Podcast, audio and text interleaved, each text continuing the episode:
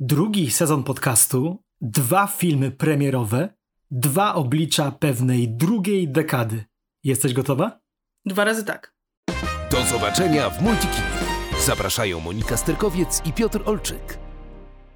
Od naszego ostatniego odcinka minęło jak zwykle dwa tygodnie, ale od naszego ostatniego spotkania minęło dużo więcej Cały czasu. rok. Cały rok. Tamten odcinek był takim podsumowaniem, a tutaj chcielibyśmy może zacząć coś nowego, yy, więc taki może yy, umówmy się, że to będzie drugi sezon. Tak, nieoficjalnie. Nieoficjalny drugi sezon, który, który sami narzuciliśmy sobie. O, Tak. tak możemy powiedzieć. A tak szczerze mówiąc, to po prostu e, chciałem wykorzystać to, że gadamy dzisiaj o dwóch filmach, dwóch bardzo ciekawych filmach, które z jednej strony różni wszystko, ale jakbyś tak bliżej przyjrzeć, to okazuje się, że, że łączy całkiem sporo. Tak, znaczy y, umówmy się, że te wszystkie podobieństwa zaczęliśmy dostrzegać dopiero jak już sobie wymyśliliśmy, że będziemy o nich nagrywać, bo ich głównym podobieństwem jest to, że oba wchodzą do kina w tym samym momencie u- nas w Polsce, czyli 20 stycznia. Według wychodzenia tego podcastu jutro, ale jeśli ktoś słucha go w innym momencie, no to, to nie jutro. Ale tak, 20 stycznia wcho- wchodzi na ekrany kin między innymi Duchy i Nisherin oraz Babylon. I właśnie to są te dwa filmy, o których będziemy mówić, nie że to są jakieś inne i zaraz będziemy mówić o innych. Nie, to są te dwa. Z jednej strony tragikomedia rozgrywająca się bardzo na uboczu, a z drugiej strony rozbuchane Hollywood. I co, chyba od Hollywood zaczniemy, tak? Zaczniemy od Hollywood. Yy, tak. No to powiedz. Nowy film Damiena Chazella, znanego trochę z ym, tego rozbucha... No, no nie, dobra, przesadzam. La La Land był jednym filmem, był dużym muzycznym, e- epickim dziełem, bym tak powiedziała, chociaż z kameralną dość historią, nieważne. Dwa jego pozostałe, już bardziej kameralne, spokojne historie, znaczy spokojne, Whiplash był spokojny? Nie był, ale bardziej takie przyziemne historie. Tutaj dostaniemy wreszcie wreszcie. Wielkie, rozbuchane dzieło. Myślę, że zacznę od tego, ile ten film trwa, ponieważ to mnie się najbardziej rzuca w mojej pracy. I od razu tutaj chciałam powiedzieć, film trwa trzy godziny, trochę ponad. Jak zwykle. Ym, powiem ci szczerze tak, ja nie jestem antyfanką długich metraży. Ja mogę oglądać długie filmy, ale najbardziej przeszkadzają mi w mojej pracy, która polega na tym, żeby ustawiać repertuar w kinach, więc ym, zmieścić film, który, który trwa trzy godziny, plus do tego reklamy i zwiastuny, to trochę, trochę trwa. Natomiast z tego, co zakładam, metraż jest taki dlatego, że ten film będzie wielki, wielkim i epickim dziełem. Tak. No, w, ogóle, w ogóle to jest bardzo, bardzo ciekawa tematyka, ponieważ y, rzadko kiedy twórcy decydują się na zrobienie tak wystawnego filmu dziejącego się w latach dwudziestych. Dwudziestych nie obecnego wieku, tylko tego poprzedniego wieku. Tak. Zauważ, że oczywiście były takie rzeczy jak Wielki Gatsby na przykład, prawda? Ale głównie kiedy mówi się o czasach kina niemego, tego przejścia z kina niemego do kina mówionego, że się tak wyrażę, to często są to takie troszkę mniejsze filmy, albo jakieś eksperymenty, jak artysta na przykład, e, albo jakieś takie bardziej em, dzieła skupiające się na jednostkach. Zaś tutaj mamy ogromną obsadę, masę gwiazd i jeśli wiedzieć temu, co w tym filmie mówią, nikt tu niczego nie ukrywa i wszystko pokazuje. No właśnie, zaznaczmy to, my tego filmu nie widzieliśmy. Właśnie. Zaczynamy też od tego, że- go nie widzieliśmy, ponieważ ten drugi akurat widzieliśmy. Widzieliśmy, tak. Y- Najpierw mówimy o tym, o, czego, czego nie wiemy, a dopiero potem będzie coś, co wiemy. Więc to jest film, do który, na który dopiero czekamy, ale czekamy z niecierpliwością i myślę, że widzieliśmy bardzo dużo różnych y, zapowiedzi i już film też już wyszedł w Stanach Zjednoczonych, miał premierę chyba pod koniec grudnia. Zresztą musiał mieć premierę pod koniec grudnia, żeby być brany pod uwagę do nagród y, filmowych dla tego roku, jakby dla zamknięcia tamtego roku. A jest y, jednym z nominowanych i, i, i w Złotych Globach, i prawdopodobnie będzie w Oscarach. Co jest szczególnie ciekawe dla mnie, jako dla krytyka filmowego, ponieważ ten film spotkał się z bardzo spolaryzowaną opinią. Ma chyba tyle samo przeciwników, co zwolenników. Wydaje mi się, że po prostu trzeba kupić konwencję tego troszkę wilka z Wall Street w czasach tego wielkiego Gatsby'ego, powiedzmy to na takiej zasadzie. Myślę, że mało kto Pewnie wie. tak. Myślę, że, myślę, że tak, kiedy myślimy o tych starych czasach, o początkach kina, o właśnie o latach dwudziestych, tych szalonych latach dwudziestych, bo takie nazywano, myślę, że przede wszystkim patrzymy na to tak trochę tak nostalgicznie. Patrzymy na to, jak się rodził dźwięk filmy, jak się rodziły pierwsze gwiazdy filmowe, złote czasy Hollywood, a mało kto pamięta, że to byli ludzie tacy jak my i wpadali chyba nawet jeszcze większe tarapaty niż teraz, ponieważ była mniejsza świadomość społeczna i też można było więcej rzeczy zrobić, które nie zostały wykryte. Tutaj tak, tak to... zupełnie skręcam zupełnie w stronę jakiegoś true crime, ale po prostu przygotowując się do rozmowy o Babilonie, na przykład odkryłem, mam nadzieję, że tu nic nie wyprzedzam, e, że postać, którą gra Margot Robbie, postać, którą miała wcześniej wcielić się Emma Stone, to miała być Clara Bow. Mega, mega, mega gwiazda hollywoodzka tamtych czasów. Jej filmy zawsze się zwracały. Ona była w ogóle pierwowzorem tej takiej um, animowanej kobietki Betty Boop. Co ciekawe, też bohaterka z artysty. Ta postać była wzorowana na, na, na Klarze Bow. A dlaczego o tym mówię? No bo sam żywot jednej Clary Bow by wystarczył na zrobienie właśnie filmów w stylu Wilk z Wall Street w czasie, czasach Wielkiego Gatsby'ego, a tymczasem tutaj mamy całe gro różnych postaci. Jedni są bardziej wzorowani, inni mniej. Na przykład postać Brada Pitta. To jest wypisz, wymaluj na przykład Clark Gable i także kilku innych kultowych aktorów wciśniętych w jedną postać. Mnie wcale nie dziwi, że ten film nie ukrywa wielu rzeczy, ale jestem arty ciekawy, jak on to pokazuje. Czy to jest właśnie takie, czy to rozbuchanie, te wszystkie orgie i tak dalej, które w tym filmie odchodzą, są po coś, czy to raczej ma tylko, wiesz, stworzyć klimat tamtych czasów, klimat tego, co już pewnie nie wróci i tak dalej, i tak dalej. I właśnie chyba to mnie najbardziej w tym filmie interesuje, czyli nie cała historia, tylko to, jaki on tak naprawdę jest. Co mówi o tym Hollywood tamtych, tamtych lat. Umówmy się, że jak e, rozmawiamy o Hollywood tamtych lat, no to tak jak ty powiedziałeś, że bardziej się na niego patrzy z nostalgią, ale też z takim, może stawia się go po prostu na wysokim piedestale trochę, a ten film mam wrażenie trochę go zrzuci, ale też nie ukrywajmy, że Hollywood, e, że lata dwudzieste w Hollywood to był jednak początek, dosłownie, no jakby zresztą początek kina, który się zadział gdzieś w okolicy Nowego Jorku i potem dopiero się wszystko przeniosło do Los Angeles. Los Angeles wtedy było puste, w zasadzie tak. dopiero, się, dopiero się rozwijało i tam faktycznie walili ludzie, różnego rodzaju ludzie pragnący sławy, pieniędzy i jakby artyści też, a wiadomo, że artyści robią różne, różne, rzeczy. Mają różne charaktery, tak. o tak bym powiedziała. I jakby z, z tego też tak wynikał też trochę chaos, bo nie wiadomo było do końca jak to robić. A też ten film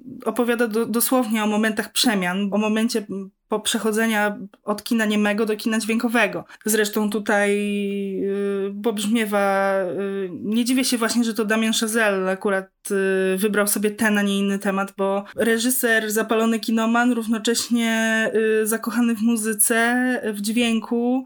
To był też ten okres, gdzie jazz miał bardzo, był bardzo popularny. I tak, no nie, nie dziwi mnie to wcale i, i jestem ciekawa właśnie, jak, jak, też jestem ciekawa, tak jak ty, tego w jaki sposób Chazelle to przedstawił. E, jeśli chodzi o te mieszane recenzje, o których wspominałeś, to, to tak, to, to nie jest tak, że, y, że film jest oceniany jako średni. Właśnie, właśnie nie. Tu jest albo ktoś go nie lubi, albo ktoś go lubi, więc y, albo dla, dla jednych to jest film, po prostu najlepszy film roku, na koniec perełka się znalazła, a dla innych nie, zupełnie nie. Dla, i, I tutaj trzeba zwrócić na to uwagę, bo, że to nie jest średniak, który, który ani ziębi, ani grzeje, tylko to jest... Właśnie bardzo ziębi, albo, albo bardzo, bardzo grzeje. grzeje tak. Dokładnie, więc... Albo ktoś jest obrażony przez ten film, tak jak powiedziałaś, albo zakochany w nim. W ogóle fajne, fajne jest to, co o Chazelu i jego miłości do dźwięków, bo przecież bohaterowie jego filmu Babilonu, im się nie podoba, że Tokis weszły. Oni, oni woleli grę niemą. Oni w, w, w kinie niemy można było bardziej, można było grać bardziej ekspresyjnie. Człowiek nie zwracał uwagi na to, co postacie mówią, tylko jak wyglądają, jak się ruszają. I dla wielu aktorów ta, ta tranzycja właśnie do ery dźwiękowej, to albo to był gwóźdź do kariery, albo to po prostu początek ich końca. I ten, no tak, ten, zresztą... ten film Babylon, prawda, wiadomo, Babylon, czyli być może jakiś, nie wiem, upadek obyczajów, być może to jest film o tym, jak Hollywood upadło i się narodziło na nowo. To mnie też właśnie w tym, naprawdę, naprawdę mnie to interesuje. No. I jeszcze na pewno pobrzmiewa tutaj inny ważny y, motyw szazelowy, czyli dążenie ludzi do wielkości. No tak. To y, każdy, każdy jego film mniej więcej gdzieś na tym się skupia. Tutaj już wiemy po zwiastunie, że są to ludzie, którzy jadą do Hollywood po to, żeby, żeby być wielcy, po to, żeby coś zmienić. I to kolejny, kolejna rzecz, dlaczego to się dzieje w, w momencie zmian, bo w zasadzie momenty zmian są najciekawsze, więc podejrzewam, że i, w, i wtedy rodzą się wielkie charaktery i upadają e, mniej wielkie charaktery. No tak, to prawda. Ale tak, to prawda, że, że, że wielu aktorów e, nie przeszło e, na drugą stronę tego, tego dźwiękowego. No, nie można było być średniakiem, tylko właśnie trzeba, trzeba było grzać, grzać wszystko. Jest jeszcze jedna rzecz, którą wszyscy krytycy, nawet ci, którym się film nie podobał, wskazują jako, jako tę dobrą stronę. W zasadzie kilka rzeczy. Po pierwsze zdjęcia, cały rozmach, cały rozmach produkcyjny, no i też oczywiście muzykę. Y, za ścieżkę dźwiękową odpowiada tutaj stały współpracownik Damiana Szezela, Justin Hurwitz. I podejrzewam, że tak jak w przypadku i La Landu, i Whiplasha, i Pierwszego Człowieka, będzie co posłuchać później po sensie. No to jest widowisko z gatunku tych nie superbohaterskich albo, tak, albo dziejących się na obcych planetach pełnych niebieskich ludzi, tylko po prostu widowisko, można by rzec przekornie w starym stylu. Właśnie w stylu starego Hollywood, czyli feria barw, niesamowita scenografia, mnogość aktorów, y, cała masa muzyki. Ten film jest taki ogłuszający wręcz, tak pozytywnie przytłaczający. No, według mnie to jest coś, co trzeba zobaczyć w kinie. To jest taki film typowo kinowy i mam wrażenie, że ta jego energia niektórym widzom może się skojarzyć z Elvisem nawet, szczególnie właśnie z taką, z taką muzyczną, szaloną energią pochodzącą z czasów, które no już nie wrócą. Tu pełna zgoda. Także nie pozostaje nam nic innego, jak tylko zaprosić do kina już 20 stycznia. Na Babylon. A tymczasem, także w latach 20., ale zupełnie gdzie indziej, nie w Hollywood, tylko na małej irlandzkiej wyspie dzieją się rzeczy. Tak. Jakie są to rzeczy? I dlaczego te duchy? Powiedz nam, Monika. Jakie znowu duchy? Czy to jest horror? Nie. Duchy Inisherin to nie horror. Inisherin to nazwa wyspy. Wspomniałeś o wyspie, Inisherin to wyspa. Duchy, żeby się dowiedzieć, e, czemu akurat duchy, to trzeba na pewno pójść na ten film i go zobaczyć, ponieważ e, odpowiedź mogłaby być trochę spoilerem. Tak, tak zwany tytuł znaczący. Tytuł znaczący. A sam punkt wyjściowy jest bardzo prosty, ponieważ całość zaczyna się w momencie, w którym dwóch wydawałoby się najlepszych przyjaciół przestaje ze sobą rozmawiać, ponieważ jeden z nich mówi drugiemu, już cię nie lubię, nie chcę z tobą rozmawiać. W ogóle tak z dnia na dzień, prawda? Z dnia po na prostu... dzień, dokładnie. Wczoraj jeszcze rozmawiali, tak, tak. A, a dzisiaj już nie rozmawiają i i, I tak, i właśnie tak ten film się zaczyna. A propos tych spoilerów, to my się musimy teraz y, bardzo pilnować, bo akurat ten film widzieliśmy tak razem na pokazie. No i po pokazie też mieliśmy krótką na ten temat dyskusję. Możemy już powiedzieć wam, bo to nie ma co ukrywać, film nam się bardzo podobał. Ja sam tak. pamiętam, jak ci mówiłem, że to jest takie faktycznie całkowicie moje kino. No ale nie dziwi mnie wcale, ponieważ no, nawet już po osobie reżysera można, można się już czegoś spodziewać. Martin McDonagh zrobił kolejne arcydzieło. Facet najlepiej czuje się w teatrze, ale jak już przejdzie się do kina, to według mnie robi całkowite, totalne sztosy. Zadebiutował filmem Najpierw strzelaj, potem zwiedzaj. To jest znienawidzony y, tytuł polski przez fanów tego reżysera, a tymczasem to jest y, tłumaczenie tagline'u z amerykańskiego plakatu, z tam angielskiego, więc tak naprawdę tam było napisane shoot first, visit later, czy też takiego, czy tam sightsee later y, i tyle. Tytuł oryginalny to w Brugi. Brugi, Brugi właśnie. Być może nie tak chwytliwy. No, nie to... tak chwytliwy. Później był bardzo, bardzo taka ciekawa, psychopatyczna komedia Siedmiu Psychopatów. Nazywam to komedią, oczywiście jest to komedia czarna jak smoła. No potem był ogromny sukces, czyli trzy billboardy za Ebbing, Missouri, Oscary, nagrody i to jest zdecydowanie mój ulubiony film tego reżysera. No a teraz pojawiły się duchy. I już nie wiem, czy to jest mój drugi ulubiony, czy, czy trzeci, czy pierwszy, bo film jest tak fenomenalny i wzbudza we mnie tyle tych emocji, że tylko teraz mogę tak ze strachem zerkać na nasz czas i na to, ile mamy czasu, żeby o nim porozmawiać, bo chciałbym chyba powiedzieć o tym filmie wszystko, ale wiesz co, zamknę się Ale teraz. może właśnie lepiej nie mówić wszystkiego. No właśnie. Zdecydowanie. I myślę, że zostawić też y, po pierwsze przestrzeń wszystkim naszym słuchaczom, którzy chcieliby się na ten film wybrać i nie wiedzieć, co się w nim dzieje. A dwa, że, y, że może lepiej trochę dać też przestrzeń y, osobom, żeby sobie porozkminiały, pokontemplowały ten film w swoich własnych głowach. Natomiast jeśli już tak zacząłeś wymieniać te wszystkie filmy reżysera i, i, i stwierdziłeś, który jest twoim ulubionym, no to ja muszę przyznać, że chyba właśnie ten. O. Czyli duchy Inisherin najbardziej trafiły do mojej duszy, że tak się wyrażę, ale lubię je wszystkie. O, to tak jak ja. E, lubię też, e, też e, swoją drogą to jest bardzo ciekawe, bo Martin McDonagh faktycznie jego pełnometrażowym debiutem było w Brugi, Pozwolę sobie używać tego tytułu. Dobra. Natomiast y, wcześniej popełnił jeszcze krótki metraż. Krótki metraż, który się nazywał Sześciostrzałowiec. Albo Six Shooter. Tak. I dostał ten krótki metraż Oscara. Oscara za, za film, za film krótkometrażowy. Dokładnie. No a jeszcze wcześniej właśnie Martin McDonagh był głównie dramatopisarzem i, i tym się głównie... Wciąż jest. Znaczy wciąż, wciąż, wciąż jest, jest tak. chociaż ma większy ciągody zdecydowanie do kina i, i jakoś tak z tego, co, co, co wiem i gdzieś tam sobie poczytałam o nim, to e, jednak opowiadanie przez kino bardziej mu odpowiada, szczególnie ze względu na możliwość dotarcia do większej publiczności niż, tak. niż w teatrze. Aczkolwiek trzeba przyznać, że z powodu swojej kameralności duchy Inisherin sprawdziłyby się na, na deskach teatru. Bo to zdecydowanie. Zresztą, to takie studium charakterów przecież. Zresztą to jest ciekawe, bo Martin McDonagh napisał w swoim życiu kilka sztuk, e, wiadomo, ale napisał też dwie sztuki, w zasadzie trzy. To jest tak zwana trylogia z Wysp Aran, albo trylogia arańska. Wyspy Aran to są wyspy u wybrzeży Irlandii, takie właśnie małe. I, i są to Kaleka z Inishmore, pułkownik z Inishir, nie, jak to, jak to ciało? Ja, ja wiem, to są tytuły, które są. Mo, Dobra, nieważne, nie, nie, będę, nie będę wymieniać. Jest pułkownik, jest z, z, czegoś w tym rodzaju, tak? Tak, i, i wszystkie się dzieją właśnie na jednej.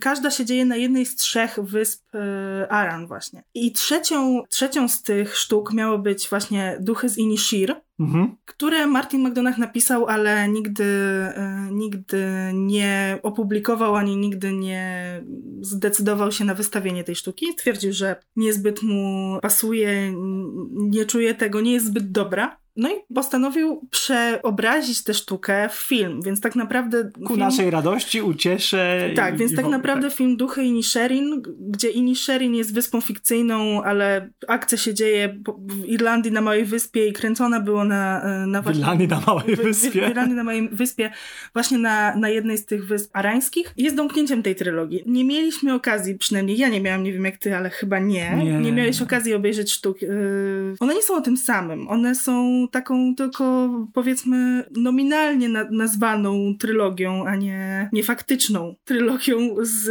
tymi samymi wydarzeniami, więc jak najbardziej film można oglądać i nie trzeba się bać, że trzeba coś wiedzieć. Bardziej wcześniej. chodzi o klimat, chodzi o takie, tak jak powiedziałem trochę wcześniej, to takie studiowanie charakterów, zachowań, postaci, no ten film naprawdę jest, jest taką wyborną tragikomedią, nazwę to, no bo naprawdę, co to w ogóle za sytuacja, że faceci, którzy robili codziennie to samo, jeden po drugiego przychodził, szli sobie do pubu, gadali sobie o różnych pierdołach, mniejszych i większych, potem się rozstawali i kolejnego dnia robili to samo. Jak to jest, że nagle pewnego dnia ten drugi typ nie chce z tym pierwszym iść, mówiąc, że go po prostu nie lubi. To pozornie błahe wrażenie, jak wiesz dobrze, ma ogromne konsekwencje dla właściwie całej tej społeczności. I dla mnie troszkę ta cisza jest taka, bo zaczynam myśleć o spoilerach. Wiesz co, ale chyba możemy to powiedzieć, bo o tym jest powiedziane na samym początku filmu. Mm, poza granicami tej wyspy trwa wojna domowa. Tak, w Irlandii. w Irlandii. Tak, 11-miesięczna, tyle trwała. I oglądając właśnie Duchy i Niszery miałem takie wrażenie, że Martin McDonagh trochę tak, mówiąc o tych postaciach, mówi co to o tej wojnie domowej. Tak, zdecydowanie komentuje tę wojnę, trochę absurd jej. I tak, ten... właśnie, właśnie, właśnie. Znaczy szczególnie jej absurd, bo w zasadzie konflikt pomiędzy Colmem i Padri Padrikiem, czyli naszymi głównymi bohaterami, e, nie... Padrek nie, nie ma sensu. No zupełnie, no bo mówię, ktoś mówi komuś, już cię nie lubię. I po prostu. Tak się rzeczy nie odbywają. Tak, i, i, I też y, biorąc pod uwagę to, co dalej się dzieje w tej, tej relacji, oczywiście nie będę mówić, to no to kompletnie, to jest, to jest kompletnie absurdalne, śmieszne, no ale później też trochę makabryczne. Y, no jak tu Martina, więc tutaj też nie jest brak niespodzianek.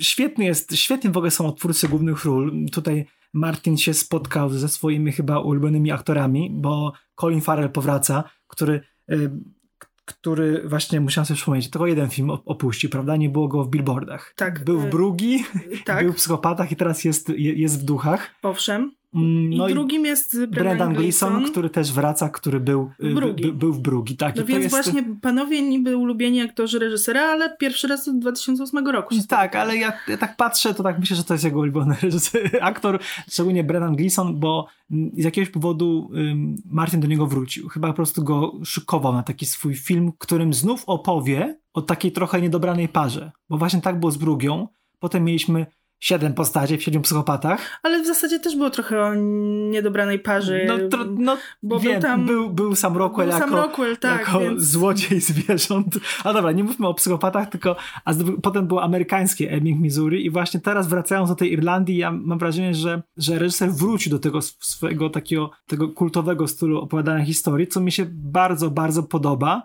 bo to cyniczne spojrzenie na życie to jest rzecz, która jest mi bliska, ze wszystkimi tego plusami i minusami. I na przykład ja na tym filmie się bardzo śmiałem, ale zauważyłem, że były takie momenty, kiedy właściwie śmiało się tylko kilka osób, bo reszta chyba, według mnie ta smolista część czarnej komedii nie wszystkim może przypasować.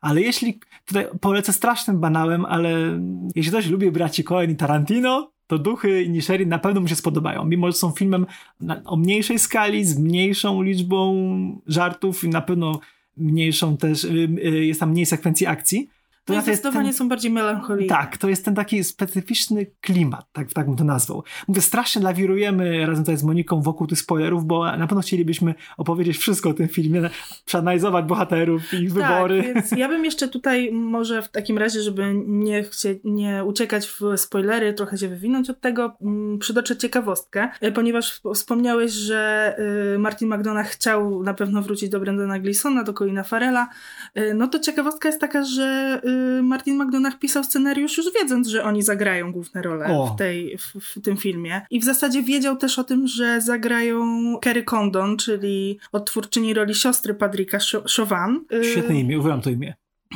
I, irlandzkie takie tak. bardzo. I wiedział też, że zagra Barry Cogan, czy, czy, czy jak to się tam y, mówi, który, który tutaj gra też jedną z, jed, jednego z mieszkańców y, Wiejskiego Głupka. Wiejsk, tak, Nie bójmy się tego no, trochę, trochę tak. tak. Ale postać też, y, też naznaczona tragedią i, i, i swoimi tam demonami, że tak się wyrażę. Więc to jest czwórka tak jakby głównych postaci yy, i właśnie Martin McDonagh pisał scenariusz wiedząc, że oni to zagrają, więc scenariusz był pisany w zasadzie pod nich. I myślę, że między innymi dzięki temu ta historia tak dobrze działa i dla, dlatego te mm, role są tak fantastyczne. I ja bym tutaj powiedziała, że to jest jedna z najlepszych ról Colina chciałem to lat. powiedzieć, tak i poproszę rzucać w niego wszystkimi nagrodami świata. Tak, w ogóle wydaje mi się, że e, taki Farelo Sans powinien teraz nastać, bo mm, chyba już na zawsze Colin zerwał z tym wizerunkiem swoim sprzed kilku lat. Amanta, który więcej robi poza filmami niż w filmach. Mm, ostatnio naprawdę ma szereg dobrych, ciekawych ról, że, że wymienię tylko ostatnie trzy. Właśnie teraz Patrick, oczywiście Pingwin w Batmanie i bohater filmu Young, także bardzo ciekawa, fajna taka wyciszona kreacja. Tutaj z kolei Farel wciela się z niesamowitą werwą takiego totalnego poczciwca. I naprawdę fajny. Ja nie wiedziałem tego. Teraz rozumiem, że jeśli faktycznie McDonald pisał rolę pod niego, to dokładnie nie wiedział, jakie jest to, to, aktorskie spektrum Farela. Chyba dlatego wycisnął z niego chyba jego jedną z najlepszych ról w karierze po prostu, trzeba przyznać. To prawda. Bo wiesz, Brennan Gleeson jest zawsze świetny. On to, to, to, jest, to jest klasa sama, sama w sobie. No tutaj też Brennan Gleeson jest po prostu y, surowym typem, trochę zgorzkniałym, ale też gdy, gdy trzeba powiedzieć o rozpaczy rozdzierającej serce, to też y, ma wzrok rozdzierający serce, to trzeba, no to trzeba przyznać. Zresztą mówimy o tych rozpaczach, o tych smutkach, a mówię, przypomnę, na tym filmie naprawdę można się pośmiać. Niektóre tak, dialogi jest, są całkowicie absurdalne. Tak, dialogi jest... absurdalne, niektóre sytuacje może się nawet śmiać przez łzy albo śmiać z przerażenia, ale no właśnie to jest takie kino. To jest naprawdę bardzo fajne kino. Na pewno jest y, po tej stronie kameralnej. Tam, gdzie Babilon jest tym rozbuchanym widowiskiem, to mamy do czynienia z takim kameralnym, kameralną tragifarsą, ale szczególnie jeśli jest się kinomanem i chce się oglądać dobre filmy, to trzeba pójść na duchy i Nisherin, ponieważ ten film już zdobył trzy Złote Globy, a wszystko jest przed nim, więc y, kto wie, czy y, za miesiąc, czy za dwa nie dowiemy się, że inne ważne nagrody trafiły y, na to konto. Szkoda tylko tego Colina Farrella, mam wrażenie, że, że, że nie będzie nominowany na przykład do Oscara, ale mo może się zaskoczę. Czy ja myślę, że nominowany będzie? Nie, tfu, przepraszam, y, boję się, że nie wygra No. Oscara. Też mi się wydaje, że. Ale fajnie, że będzie sama nominacja, bo, inny. bo na, na to naprawdę zasłużył. Tak, y, zdecydowanie. Jeszcze bym chciała tutaj y, kolejną rzecz, tak jak wspominałam, że Babylon ma świetne zdjęcia, to tutaj na pewno Och, są tak. inne, ale jakby surowość i, i wielka przestrzeń tej, tej irlandzkiej wyspy Inisherin jest tutaj po prostu wspaniale pokazana i w zasadzie w każdym kadrze plenerowym gdzieś za bohaterem rozciąga się ta przestrzeń, która jest zresztą paradoksalna, bo bohaterowie są w zasadzie trochę uwięzieni na tej wyspie. No tak.